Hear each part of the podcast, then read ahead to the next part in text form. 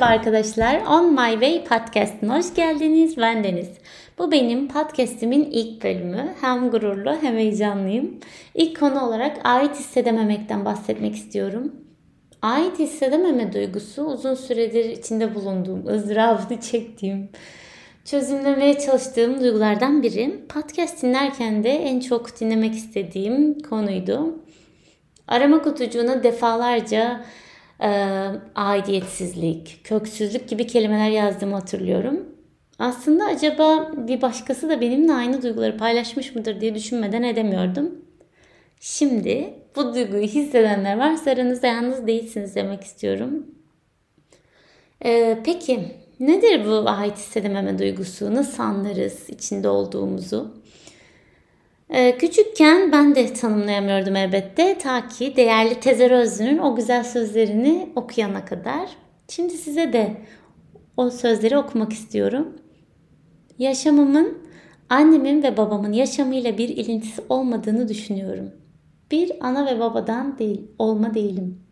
Bir yaban otu gibi Anadolu yaylasında bittim. İlk defa biri benim yerime duygularımı tanımlamıştı. Benim hissettiğim tam da bu. Ben bir yaban otuydum. Köksüz bir yaban otu. Bu benim nickname'im bile olabilir. Anadolu'nun çorak topraklarında yetişmiş. Hiçbir eve, hiçbir ülkeye, aileye, kişiye, şehre hatta mesleğime başladığımda ona dahi ait olmadığımı anladım. Peki ait olmak zorunda mıyım? Neydi bu içimdeki ait olma arzusu? Başlarda kendimi suçlu hissediyordum. Yani annemi ve babamı seviyorum fakat içimden bir ses oraya da ait olmadığım hissini dile getiriyordu.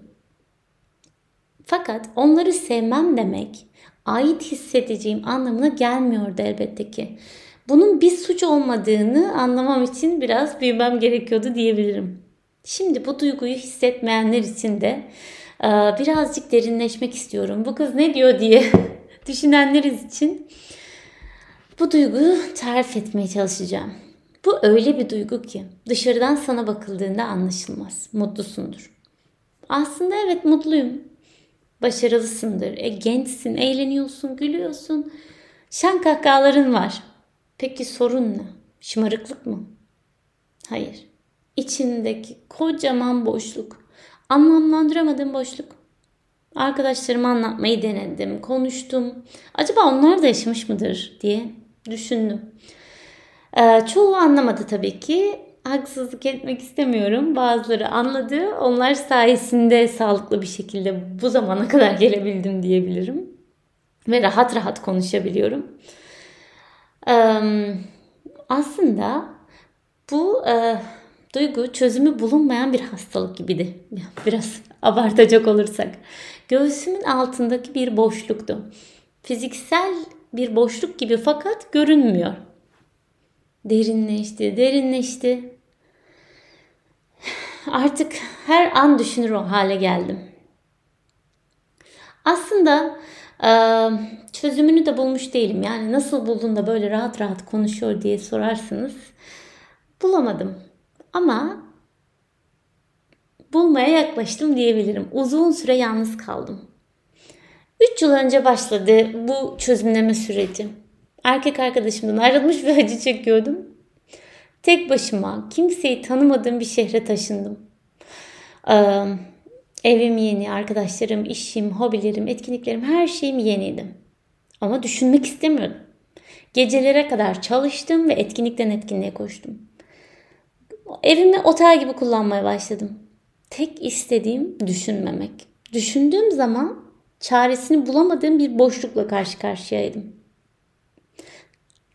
Ta ki pandemi gelip çatana kadar. Hepinizin de bildiği gibi evde tek başımıza kaldım. Kendimle baş başaydım. Artık kendimi tanıma ve bu hissi çözme. Eğer çözemiyorsam kabullenme zamanı gelip çatmıştı. Kişisel gelişim kitapları okudum tabii ki. Ee, kişisel gelişim kitapları çok yararlı. Lakin böyle bir sorunu çözmem için yeterli olmadı. Daha sonra astrolojiye başvurdum. Çocukluğumdan beri astrolojiye bir ilgim vardı. Kendimi çözmem için de bir etkisi oldu. Burada küçük bir spoiler vermek istiyorum. İleriki bölümlerde bazı bölümleri astrolojiye adamak istiyorum. E, bu kendimi tanıma sürecinde astroloji hakkında bayağı bir bilgi edindim diyebilirim. Ve itiraf etmeliyim ki çok işe yaradı. Evet, daha sonra başka ne yaptım çözümlemek için derseniz soru sordum. Ne istiyorum? Kiminle olmak istiyorum? Nerede yaşamak istiyorum? Bu meslek benim için doğru mu? Tabii bu bu boşluğun ne, ne olduğunu bana e, öğretmedi. Anlam, anlamlandırmama yardımcı olmadı. Fakat e, yine de soru sormaya devam ettim. Daha sonra e, bu pandeminin aslında bana iyi geldiğini, e, beni tanımama yardımcı olduğunu fark ettim ve bir cesaret işimden bir yıllık izin aldım. Bambaşka bir ülkeye bir yılına taşındım. Başka bir ülkeye gelmemin sebebi e, kendimi anlamak, ne istediğimi bilmek ve kendime bir ara yıl hediye etmek. Biliyorsunuz ki yabancılar buna gap year diyor ve öğrenciyken bunu e, yapıyor genelde. Başka bir ülkeye gidiyor bir yıllığına ya da e, bir yıllığını okumamayı tercih ediyor. Ben de bunu öğrenciyken yapamadım ama çalışırken böyle bir fırsat edindim ve kendime hediye ettim. Ve aslında yavaş yavaş o boşluğun kapandığını da söyleyebilirim. Kendimi e, şu cümleyi kurarken buldum. Buraya geldiğimde tabii ki bir yandan alışmaya bir yandan kendimi e, tanımaya çalışırken arkadaşlarımla konuştum ve şu cümleyi kurdum. Kendi ülkemde o kadar tanıdığım kişinin içinde yalnız hissederken burada hiç kimseyi tanımadığım halde asla yalnız hissetmiyorum. Mesele doğdum büyüdüm topraklar mı bilemiyorum. Aslında bu bahsettiğim yalnızlık fiziksel bir yalnızlık değil tabii ki. Meselenin özünün fiziksel bir yalnızlık veya kök salma olmadığını e, idrak etmeme sebep oldu.